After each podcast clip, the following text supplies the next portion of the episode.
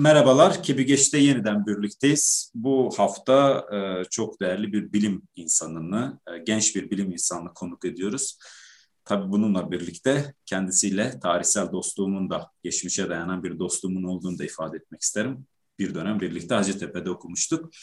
Evet, e, bu haftaki konuğumuz e, Genetikten Kuantuma Genç Bilimcilerimiz Anlatıyor kitabının e, editörlerinden değerli Emre Eren Korkmaz. E, Emre Eren Korkmaz hali hazırda e, Oxford Üniversitesi Uluslararası Kalkınma Bölümü öğretim üyesi. E, değerli Eren, e, öncelikle programa e, katılımı kabul ettiğin için çok teşekkür ediyorum. Hoş geldin. Ben teşekkür ederim. Hoş bulduk. Uzun zaman sonra görüşmekten de ben de çok memnunum. Eyvallah, teşekkürler. Ee, üstadım şimdi e, çalışmanızı büyük bir ilgiyle, beğeniyle okudum bir e, tarihçi olarak aslında. Ama e, bu çalışma her şeyden önce zaten kendisini okutturan bir çalışma. Çünkü yaşamımızın her alanında ve her gününde aslında sıklıkla karşı karşıya geldiğimiz bilimsel meselelere dair her bir kişinin kendi uzmanlık alanı uyarınca e, yazdığı böyle tadımlık, güzel e, ve her e, kesimden insanın da aslında okuduğu zaman anlayabileceği bir üslupla yazılmış çalışmalar. E, ben bu açıdan öncelikle e, senin şahsında diğer editörünüz Erdinç Sezgin'e de çok teşekkür ediyorum. Bu çalışmayı e, her şeyden önce bir de Türkçe yayınlamanız önemli. Ve zaten bu çalışmanın içerisindeki her bir bilim insanının da hem yaşı itibariyle hem de dünyanın saygın üniversitelerinde çalışmalarını yürüten bilim insanları olması Türkiye açısından, Türkiye insanlar açısından da ziyadesiyle önemli. Özellikle de bu son dönemlerde e, sahih ciddi bilim insanlarına ihtiyaç duyduğumuz bu süreçte. Ben e, bu açıdan yeniden teşekkür ederek ilk soru olarak aslında şunu sormak istiyorum. E, siz bu derlemeyi e, neden e, kaleme alma ihtiyacı hissettiniz ve bunun hikayesi aslında e, neye dayanıyor? Hangi ihtiyaca binaen böyle bir çalışmayı kaleme aldınız? Evet, çok teşekkür ediyorum ben de. Ee, ya biz tabii ki bu çalışmayı yaparken e, aklımızda birkaç mesele vardı. Bu çalışma aklımıza geldiğinde e, yine Oxford Üniversitesi'nden şu anda aynı, aynı zamanda İsveç'te Karolinska Enstitüsü'nde Erdinç Sezgin'le beraber bu çalışmayı düşünürken e, esasında Türkiye'de popüler bilime ve bilimsel çalışmalar olan ciddi bir ilgi olduğunu görüyoruz gençlerde. Biz her gün mailler alıyoruz, çeşitli toplantılara davet ediliyoruz. İnsanlar bize sorular soruyor e, ve bu anlamda ciddi bir ilgi var ve Türkiye'de popüler bilimi yayıncılığı da son dönemde çok gelişti. Birçok evrim ağacı gibi, epistem gibi çok değerli çalışmalar yapan online platformlar var, çeşitli dergiler var. Biz bu e, süreçte aslında bu genel çalışmaya katkı sunmak istedik birincisi. İkincisi şöyle bir eksiklik gördük. Özellikle gençlerdeki ilgi, ilgi görmemize rağmen genel olarak kısa biyografilerle sınırlı çalışmalar. Yani ne yaptınız, nerede okudunuz, nereye gittiniz? Şimdi bunlar tabii ki önemli, değerli şeyler ama yeterli değil. Yani bizim herhangi bir e, lisede ya da üniversitede okumamızın çok da belirleyici bir yeri yok. Burada e, önemli olan belirli hangi konularda araştırma yapıldığını, neler olduğunu da anlamak, anlatmak önemli. E, biraz bunu anlat, buna bir cevap olmak istedik. Yani sadece nereden mezun olduğumuz değil, aynı zamanda neler yaptığımızı anlatmak istedik. Bir de bu tarz çalışmalar yani Türkçe olarak genellikle kısa yazılar şeklinde bir özet şeklinde oluyor ya da çeviri şeklinde anlatıyoruz genelde. Yani popüler bilim alanında çalışan çok arkadaşımız var. Hepimiz bir şekilde elimizden geleni yapıyoruz ama çok kısıtlı oluyor. Biz aslında şöyle dedik, biz kendi araştırmamızı anlatalım. Hı hı. Ee, ve bunu bir popüler bilim makalesi olarak anlatalım. Yani derli toplu, özgün bir makale olsun, çeviri olmasın ve biz kendimizi, yaptığımız çalışmayı e, hangi sorularla yüzleştiğimizi, nelere cevap bulmaya çalıştığımızı anlayalım. Böylece bizim hangi yollardan, her birimizin hangi yollardan geçip, hangi sorular ilgimizi çekip onlara cevap ararken bu yerlere geldiğimizi ve çalıştığımızı e, bir şekilde göstermiş olalım diye. E, tabii bir, bir siyaset bilimci olarak en aslında arka planda olan kişi benim orada. Çünkü evet. muazzam çalışma yürütüyor diğer arkadaşlar bilim alanında. Ben de çok e, imrenerek bak izliyorum. O, ve çok zevkli bir şekilde okudum. Çok şey öğrenmiş oldum. Bu da aslında birçok arkadaşla da benzer e, tepkiler yol açtı. Mesela bazı arkadaşlar hiç Türkçe yazmadıklarını söylediler. Bazı arkadaşlar dediler ki ya biz işte akademik makale yazıyoruz ama kimse okumuyor. Biz hani böyle gençleri bir şekilde anlatalım. Yani herkes aslında ortak bir motivasyonla bir araya gelmiş olduk. Yani bizim gördüğümüz eksikliği yazar arkadaşlarımızın hemen hepsinin gördüğünü ve çok büyük bir heyecanla katıldığını anladık ve çok güzel bir çalışma oldu. Tüm pandemiye ve diğer e, sıkıntılı sürece rağmen işte bir buçuk yıl içinde çıkardık bu kitabı. Evet, e, zaten kitabın içerisinde e, bir arkeoloji ve pozitif bilimlerle bağlantı ve bir de zaten bir siyasetçi, bir siyaset bilimcisi olarak aslında senin katkı sunduğun iki bölüm başlığı var. Gerisi felsefe de var. Felsefe ve yapay zeka üzerine de bir çalışma var. Evet, Ama onun evet. hepsi temel bilimlerdi. evet, evet. Fen bilimleri odaklı gitmiş. Ee, aslında işte zaten işte evrimden e, efendime söyleyeyim genetik mühendisliğine, genetik mühendisliğinden e, doku yenilenmesine kadar farklı farklı başlıklar altında makaleler var. E, ve bu bakımdan da aslında çok ilgi çekici makaleler. Peki tam buradan devam edersek, bunları kategorize edersek hangi başlıklar altında e, çalışmalar görüyoruz bu kitapta? Yani biz aslında belirli bir sistematik içinde bunu yürütmek istedik. Farklı disiplinlerden olmasını istedik öncelikle ama bu disiplinler de birbirine beslesin. Yani insanlar bir yani bir büyük bir yolculuk gibi düşündüğünüzde işte hayatın en temel biriminden başlayıp işte hücreden, işte evrimden, genetikten başlayıp uzaya kadar, evrene kadar giden e, bu arada yapay zeka gibi yeni teknolojik alanları, görece yeni teknolojik alanlardaki çalışmayı çalışmaları anlamak ama bunu yaparken de bu e, mesela gelişmeler bilim alanında nasıl uygulanıyor? Örneğin uzay bilimlerinde, arkeoloji biliminde ve benzeri bunu anlamak ve bunların sadece sadece kendi alanında çalışmalar değil sonuçta bunlar aynı zamanda interdisipliner çalışmalar.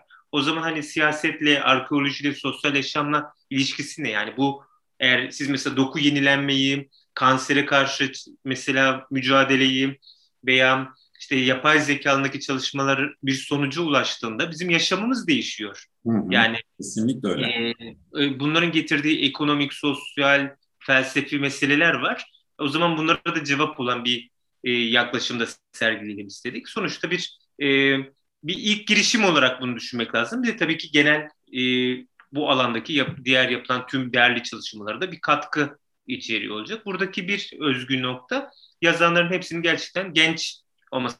Genç derken e, özellikle hani biraz akademik anlamda da genç. Yani doktorasını yakın süreçte bitirmiş e, o arkadaşlarımız. Bir kısmı çok tanınan, bilinen arkadaşlarımız da var. Ama hiç bilinmeyen, tanınmayan arkadaşlar da var. Ama burada önemli olan hani belirli bir sistematik içinde yaşamın çok farklı alanlarına değinen ve ya bilim alanındaki en ileri tartışma konularını tartışan, yani değerlendiren, bu hakkında bunlar hakkında bilgi veren ve çok e, ilgi çekici yazılar var. Yani işte işte vücudumuzdaki mikrobiyat biyotanın örneğin özelliğinin işte insanlarda mutluluk yaratmasından, işte genetik dışı katı, kalıtımın mesela dedenin yaşadığı travmaların torununda yansımasına, yani çok öyle farklı konularda e, çok ilgi çekici örnekler karşımıza çıktı yani. O nedenle okuyanlar çok ilgiyle, mutlulukla okuyacaktır diye düşünüyorum.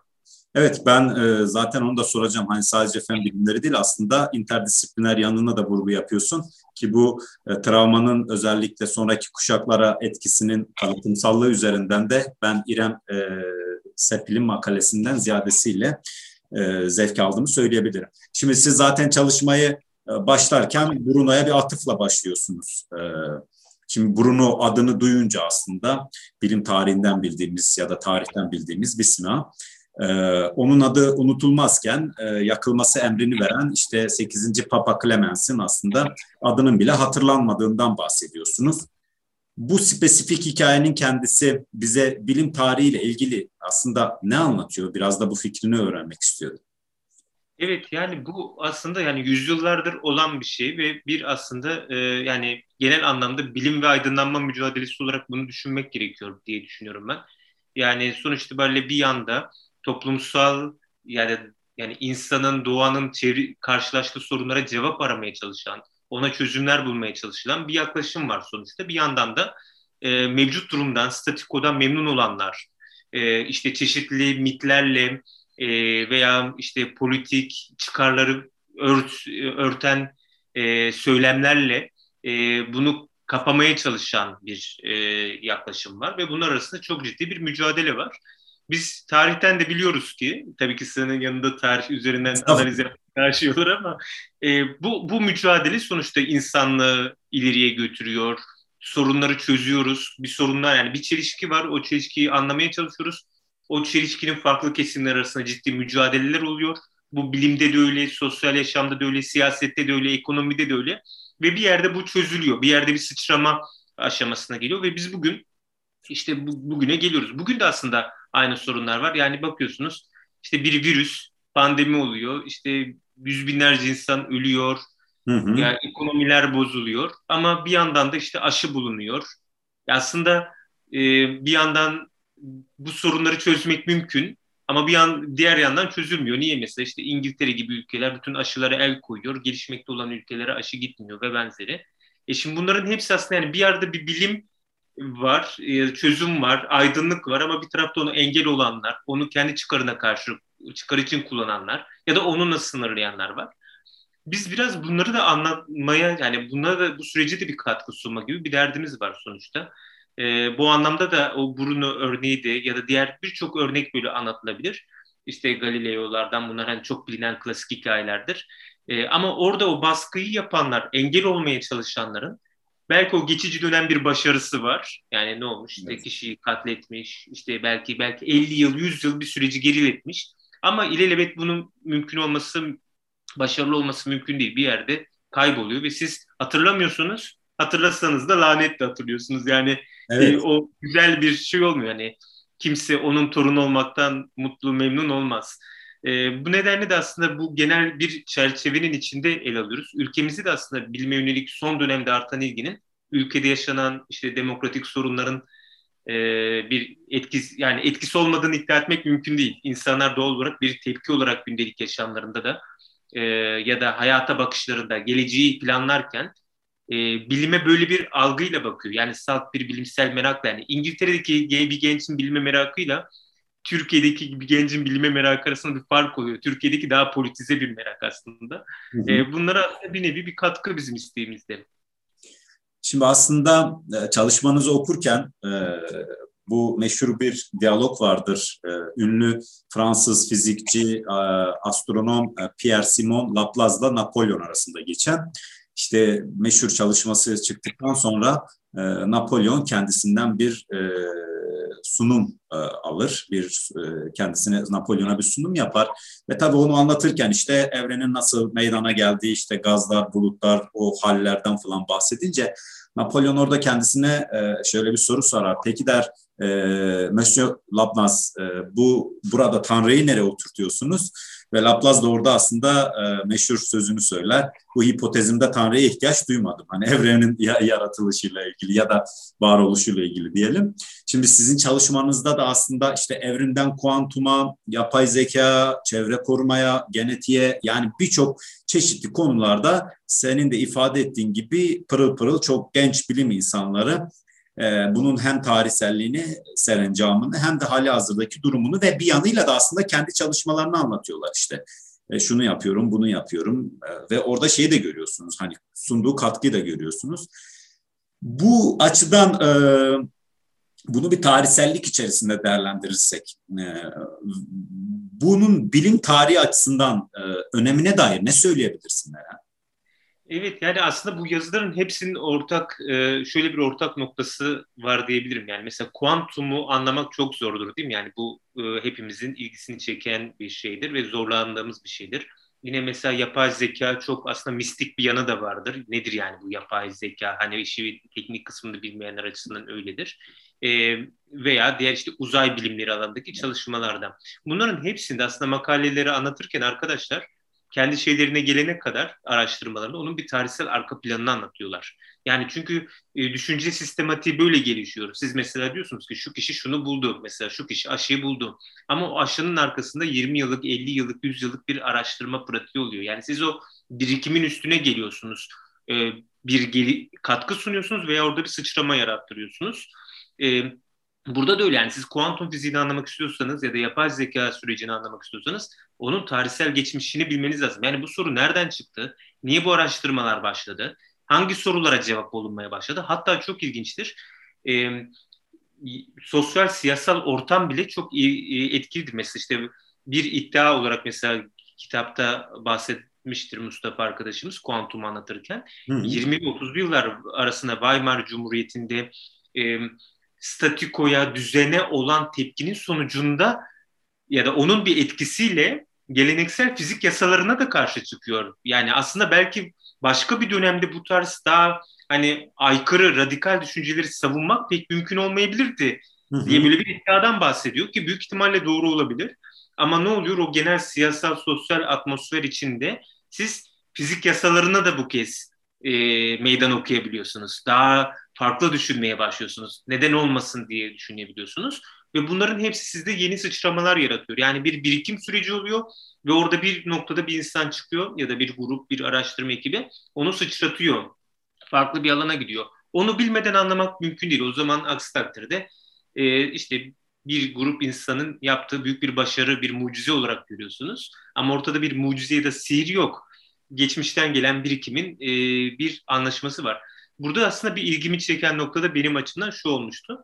Arkadaşlarımızın hepsi mesela alanlarında yani çok muazzam bir eğitim ve uzun yıllar bir çalışma gerektiriyor. Sizin kuantum fiziği ya da diğer alanlarda uzay alanında çalışmanız için. Ama bunu yaparken aynı zamanda işin tarihsel arka planını önemli kişilikleri yani onları da incelemeleri. Yani bir aslında bir tarih okuması yapmaları. Bu da aslında gayet ilginç bir e, ilginç bir tespitti benim açımdan. Çünkü insanlar sonuçta o, onu o şekilde sindiriyorlar.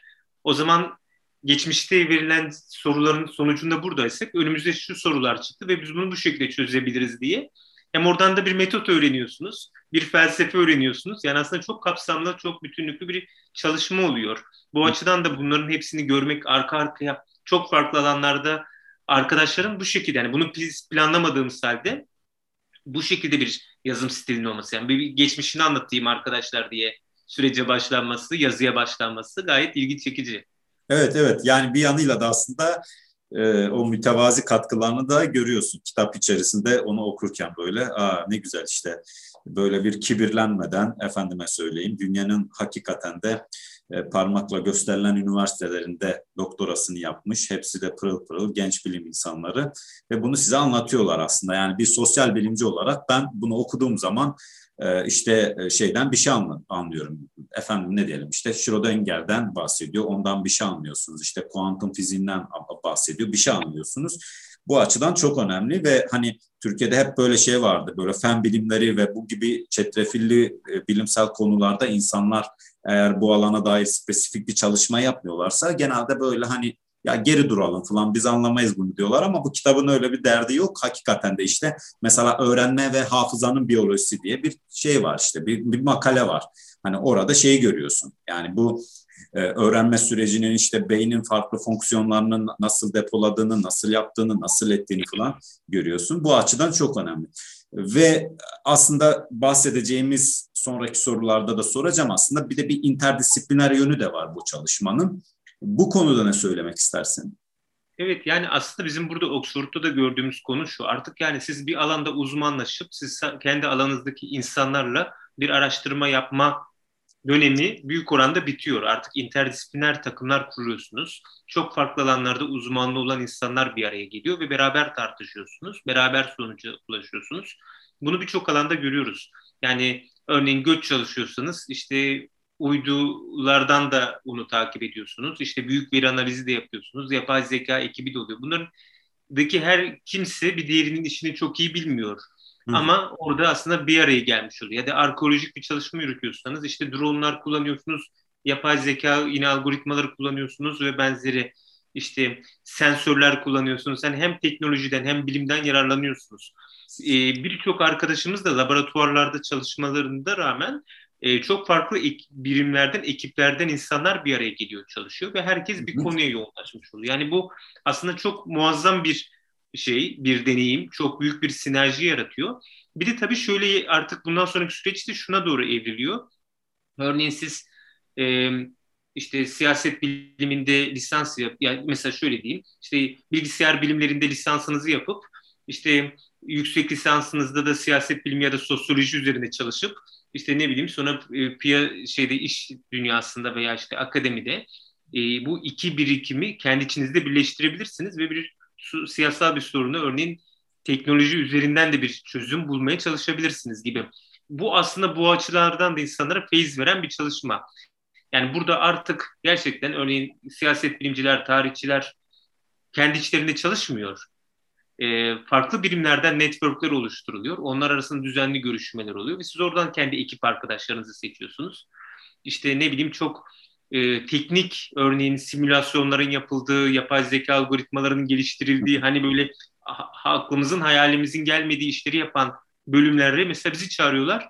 Ya bu şimdi mesela misinformasyon üzerine ya da işte göç üzerine şu soruyu bize bir anlatır mısın diyorlar. Yani o çok büyük bir şey. Çünkü onun çözebilmesi için o senaryoya ihtiyacı var. O senaryoyu anlatmak için de sizin çalışma yapmanız lazım. Veya ben böyle bir ürün yarattım dediği zaman biz de diyoruz ki mesela ya bu üründen ama savaş teknolojisi de üretilebilir, silah da üretilebilir. Ya da bu ürün sonucunda mesela diyor ki ben göç yönetimine uygun çok muazzam bir çözüm buldum. Gerçekten harika bir çözüm ama o çözümün bulunması binlerce göçmenin ölmesine sebep olabiliyor.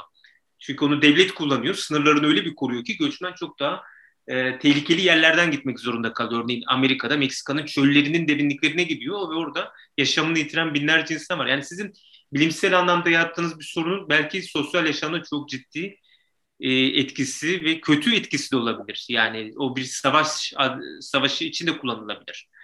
E, bunları bilmek önemli ve biraz bu yönde de bir e, gelişime bir anlayış oluşuyor. Yani insanlar çalışma sürdürürken topluma etkisi nedir tartışıyor. Onun için de sosyal bilimci ihtiyaç oluyor.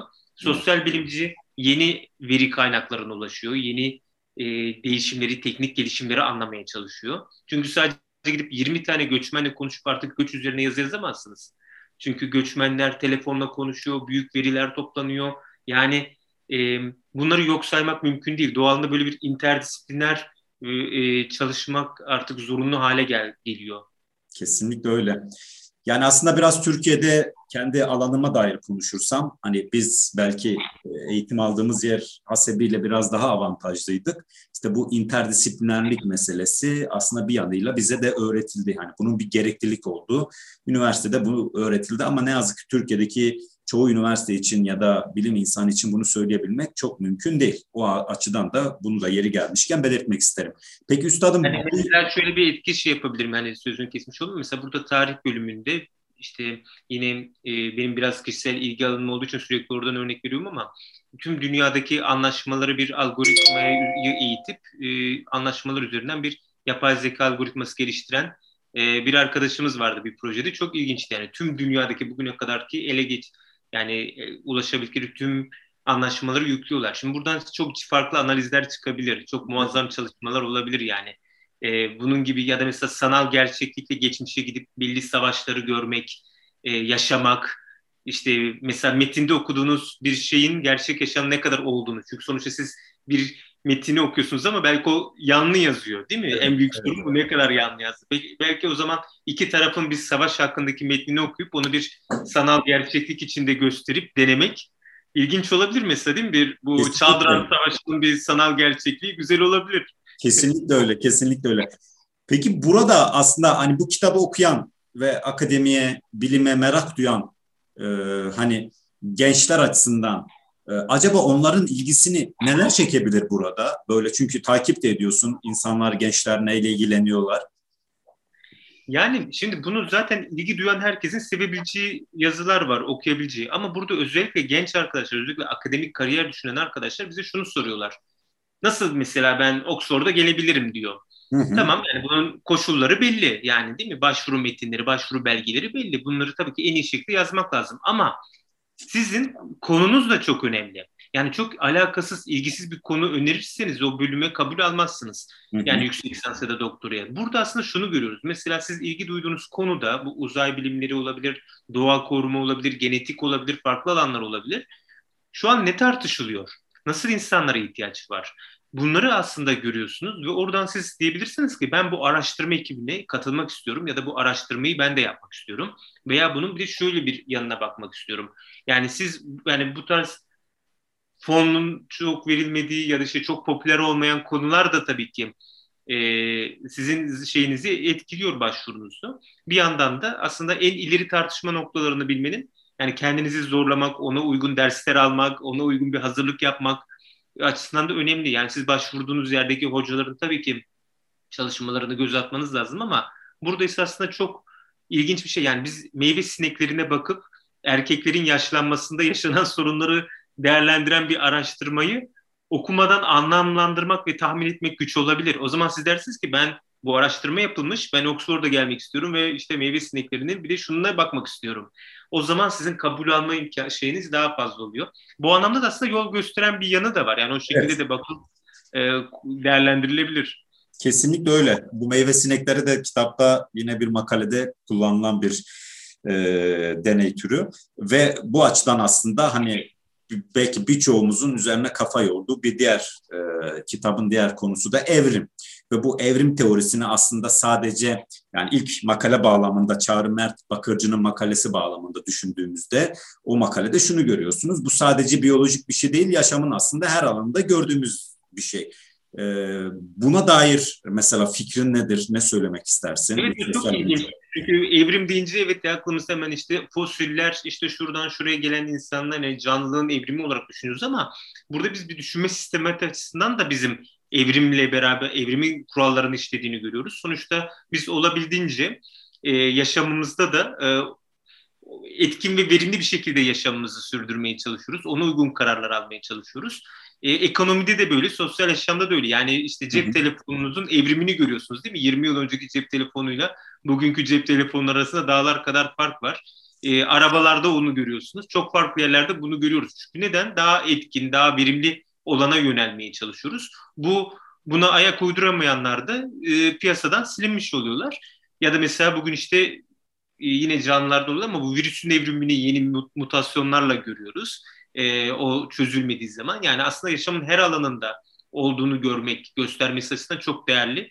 E, bu da aslında e, bakış açımızı da geliştiren bir şey. E, hı hı. Yani sosyal yaşama, e, ekonomik yaşama, politik yaşama olan bakışı da geliştiren bir yaklaşım. O, o nedenle de gerçekten yeni bir yazı oluyor. Yani evrim yazısını okuyanlar evrimin temel kurallarını öğrenecektir ama bunu işte canlılardan değil de daha farklı gündelik yaşamımızdan örneklerle görecekler. O açıdan da çok ilginç bir yazı.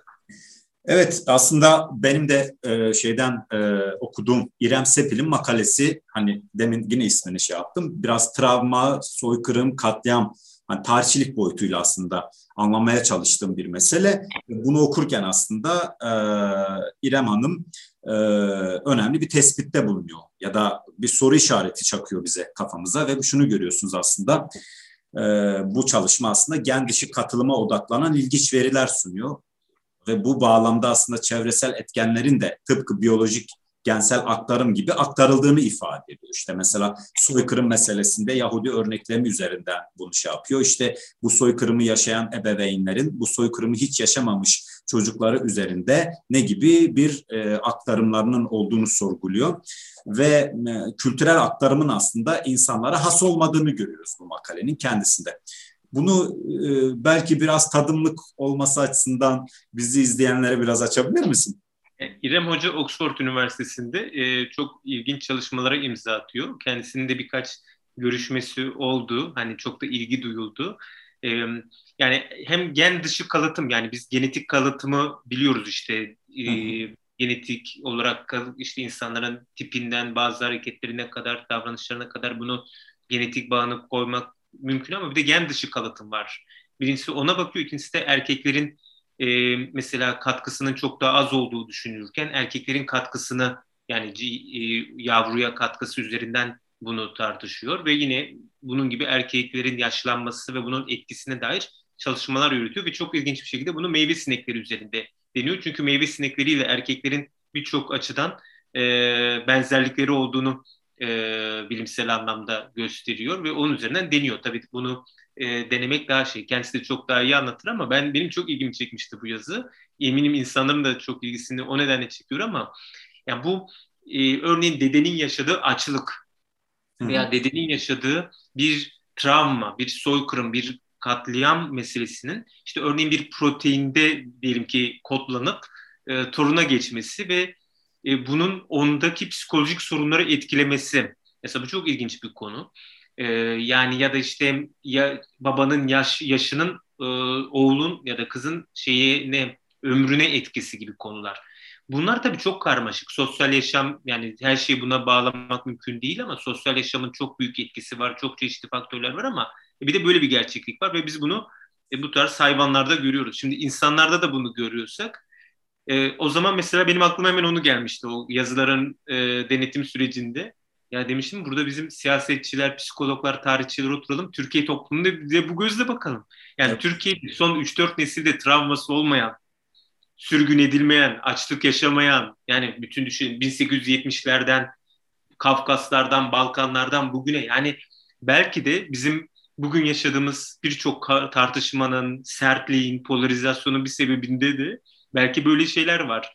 Ee, yani değil mi? Hangimizin dedelerinde travma yaşamayan var ki? Evet. Yani çok kötü zamanlar geçirmiş. Ee, bu açıdan da incelemek lazım. Mesela burada belki bir interdisipliner bir projeye dönüşebilir ama gerçekten çok ilginç bir alan açıyor. Kesinlikle ee, öyle. Çok bilinmeyen bir konuya çok objektif bir şekilde çünkü siz bunu insanlar üzerine tartışsanız siz dersiniz ki ama o insanın bir de şuyu var buyu var ekonomik durum ama meyve sinekleri üzerinden tartışınca tabii bir meyve sineğinin dedeye nasıl bir travma yaşatıyorlar o toruna nasıl gidiyor o onu bilemiyorum onun o ilginç olmalı ama hani bir sinekte böyle bir şeyin görülmesi ve aynı e, diyelim ki şey benzerlik içinde bunun da insanlarda da benzer sonuçlara varılması çok ilginç bir konu. E, geliştirilmesi, tartışılması gereken bir konu o anlamda da benim çok ilgimi çeken bir çalışma oldu. Evet bu kültürel aktarımın e, bu mesele hakikaten de incelenmesi gereken bir mesele ve biz de en azından bu tür çalışmaların olduğundan bu makale kitap vesilesiyle haberdar olduk. Şimdi bu çalışmanın demin e, sohbet boyunca hep anlata geldiğimiz işte biyoteknolojiden bahsediyor, arga, arganoid teknolojiden bahsediyor, yapay zekadan bahsediyor insanın uzayla olan ilişkisi, kozmik evren, bu serüvenden bahsediyor. Peki acaba biz hali hazırda bugün e, hangi aşamadayız e, bu başlıkları bir arada topladığımızda? Ya biz aslında ben yani bu tabii çok genel bir soru. Herkes de farklı bir şekilde cevap verebilir ama hani benim gözlemim yani çok ciddi bir e, teknolojik ve bilimsel dönüşümün içinden geçiyoruz. Yaş yani yaş ve biz yani insanlık olarak ekonomik anlamda, sosyal anlamda çok hızlı bir değişimin içindeyiz. Yani düşünün ki artık cep telefonsuz bir yerden bir yere gidemiyoruz. Yani şarjımızın olmaması bizim için büyük bir stres değil mi? E, veya işte bir sosyal medya paylaşımımızda beğeni almak bizim için çok değerli bir şey oluyor. Yani bir statüye benzer bir şey oluyor. E, bu yani bu bizim yani 10 yıl önce 15 yıl önce yaşayamadığımız şeyler. Ne oluyor işte elektrikli arabalar, sürücüsüz arabalar. Yani birçok şeye ulaşabiliyoruz insan yani artık 120 yıl yaşama konusu gündeme geliyor. Yaşlılık bir hastalık mıdır? Bunu çözebilir miyiz konusu oluyor. İşte bakıyoruz dokularımızı nasıl yenileyebiliriz? Yaşlılığa nasıl engel olabiliriz? Yani birçok şey anlamaya çalışıyoruz. Yapay organları nasıl yaratabiliriz? İşte düşünce gücüyle organları nasıl işte yapay organları nasıl harekete geçirebiliriz? Ya yani bunlar muazzam şeyler. Bir yandan Mars'a gidiyoruz. Yani insanlığın muazzam bir zenginliği var. Muazzam bir bilgi birikim üzerindeyiz. Ama onunla beraber de çok ciddi sorunlar yaşıyoruz. Çok ciddi işte işte dünyada yoksulluk var, eşitsizlik var, sıkıntılar var. Yani bir yandan iklim değişikliği var. Bir yandan büyük bir e, ne diyeyim doğaya karşı bir tahribat, yağma var. E, yani bu büyük çelişkilerin olduğu bir dönemdeyiz. Bu süreci nasıl aşacağımız önemli. Yani biz gerçekten e, şu an şunu görebiliyoruz. Yani hem iklim değişikliğiyle hem e, örneğin teknolojik gelişmelerle e, insanlığı ve dünyayı yok etmek gerçekten mümkün. Yani Hı. düşünün ki silahlarımıza bakalım. Yani siz ama bu teknolojileri silah yapımı için harcayacaksınız. İnsanların daha rahat yaşadığı yani distopik bir gelecek mi istiyoruz? Daha ütopik bir dünya mı? Daha rahat şartlar mı istiyoruz? E, ve biliyoruz ki geçen nesile göre de daha kötü şartlarda yaşıyor. Yani daha az imkanla yaşıyor insanlar. Yani şöyle bir şey aslında birçok imkanı var ama hani çalışma şartları, gelir durumu ve birçok açıdan daha ciddi sorunlara sahip durumda anne babaya göre. Ee, örneğin bir ev sahibi olma değil mi? Yani uzun dönemli bir işe sahip olma gibi. Ama onun dışında da elimizde muazzam telefonlar var. Dünyanın öbür ucuna ulaşabiliyoruz ve benzeri. İşte 3 saatte bir yerden bir yere gidiyoruz. İşte farklı yerlerden şak diye görüşebiliyoruz.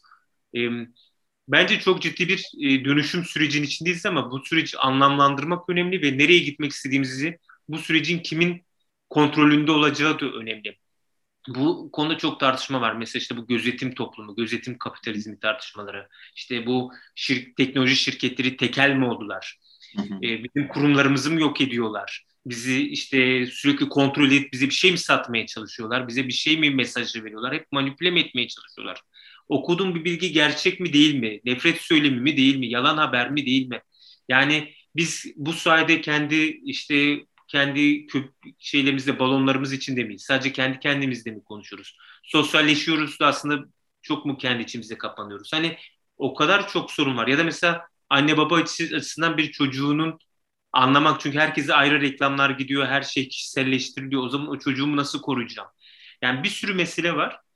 Ee, bu teknolojinin ve bilimsel gelişimin imkanlarını gerçekten toplum yararına, insanlık yararına, dünya yararına kullanmak gerekiyor. Hı hı. E, ama buna önünde çok büyük engeller var. Bence bu çok ciddi bir şey olacak. Yani bu konuyu tartışmak gerekiyor diye ben düşünüyorum. Yani o genel geçmişten Bruno'dan bahsettiğimiz konuların benzerleri aslında bugün de var. E, bugün de bu bir bilim ve teknoloji aynı zamanda bir politik mücadele alanı. Yani bunu da e, unutmamak gerekiyor. Tabii. O nedenle ya ne güzel harika bir şey geliştirmiş demek olmuyor. Yani ne olacak mesela siz drone geliştiriyorsunuz. Dağ köylerine ilaç da taşıyabilirsiniz. Bomba koyup insanları bombalı edebilirsiniz ama yani o drone'un suçu değil orada. Değil evet, Orada evet, evet. o drone'un sahibinin tartışmak gerekiyor. Kesinlikle öyle. Kesinlikle öyle. E, ve aslında be, son soru ve bu kitaptaki son makale e, senin makalen. Bir, bir siyaset bilimci olarak e, güncel tartışmalara e, senin makalenin bu anlamda e, önemli bir yere tekabül ettiğini görüyoruz. Bu güncel tartışmalar üzerinde. Zaten aslında demin de onu açtın. E, ben de tam onu soracaktım zaten. E, buna göre son teknolojik gelişmelerin e, bu siyaset bilimi açısından da e, önemli bir yere tekabül ettiğini görüyoruz. Belki e, kestiğim yerden buraya bir ekleme ya da katkı sunabilirsin diyelim. Evet yani tam da aslında o konulara değinmeye başlamışım. Yani bu konular çok gerçekten ilgi çekici konular. Mesela savaş ne olacak yani? Savaş meselesi mesela gelecekte savaş. Yani bu teknoloji mesela otonom araç silahlar var. Yani bu otonom silahların yaratıcı çok ciddi sorunlar olabilir. Mesela robotlar var işte dans ediyorlar, taklalar atıyorlar. Yani bu robotlara silah verip bize gönderdikleri zaman biz nasıl karşı çıkacağız? İşte son Karabağ Savaşı'nda gördük değil mi? Önce dronlar gidiyor. Bir anda yeni yeni teknikler ortaya çıkmaya başlıyor. Bunun mesela barışa etkisi ne olacak? Dünyada barış hareketlerine bakıyoruz mesela. Diyor ki işte yani görüyoruz ki asker kayıpları arttıkça toplumlarda yönetim üzerinde baskı artıyor. En büyük kaygı o asker kaybı. Ama ya asker kaybı yoksa siz artık bir savaş oyunu gibi bir dijital oyun gibi izliyorsanız işte dronlar askiliyor, tık tık bomba atıyor. Ee, adamlar vursa bile karşı taraf vursa bile senin robotun yani ölüyor, yok oluyor falan. Yani bunlar e, o zaman demek ki gidelim her yeri işgal edelim. Yani o şeyi anlamak, öyle düşünmek mümkün olur. O zaman yani savaş algımız değişiyor, barış algımız değişiyor. E, siyaset, seçim algımız değişiyor. Seçimler bu kadar rahat manipüle ediliyorsa değil mi? Hı hı. E, kurumlara olan güven algımız değişiyor. E, bunları tartışmamız gerekiyor. Yani mesela Oxford Üniversitesi'nin öyle bir bizim için böyle şöyle bir avantajı var. Hem bu büyük dünya çapındaki meselelere dair hem de her bir departmanda felsefeden hukuka bu konuları tartışan araştırma birimleri var ve herkes buna kafa yoruyor. Yani işte sürücüsüz arabalar meselesinde o kadar çok şey var ki mesela işte en çok bilinen nedir? Sürücüsüz araba birine çarpınca kim bundan ceza alacak?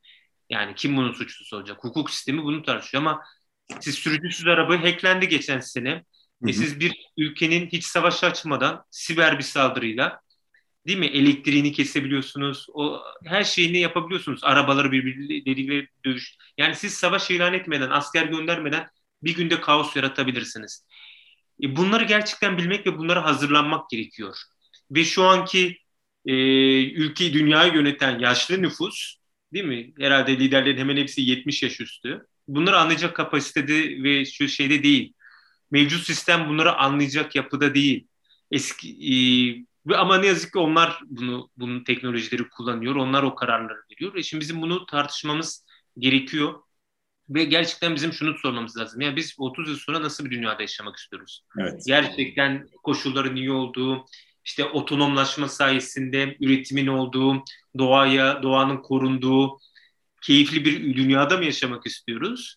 Yoksa böyle e, dünyanın, doğanın her şeyin bozulduğu, ciddi bir baskı, otorite rejiminin olduğu bir dünyada mı yaşamak istiyoruz? Yani bu bunları tartışmak gerekiyor diye düşünüyorum. Eyvallah. Evet, bugün e, Siyah Kitap yayın evlerinden çıkan Genetikten Kuantuma genç bilimcilerimiz anlatıyor. Kitabının editörü Emre Eren Korkmaz'la kitap ve makaleler üzerine çok keyifli bir söyleşi gerçekleştirdik. Kendisine huzurlarınızda çok teşekkür ediyorum. Ben çok teşekkür ediyorum.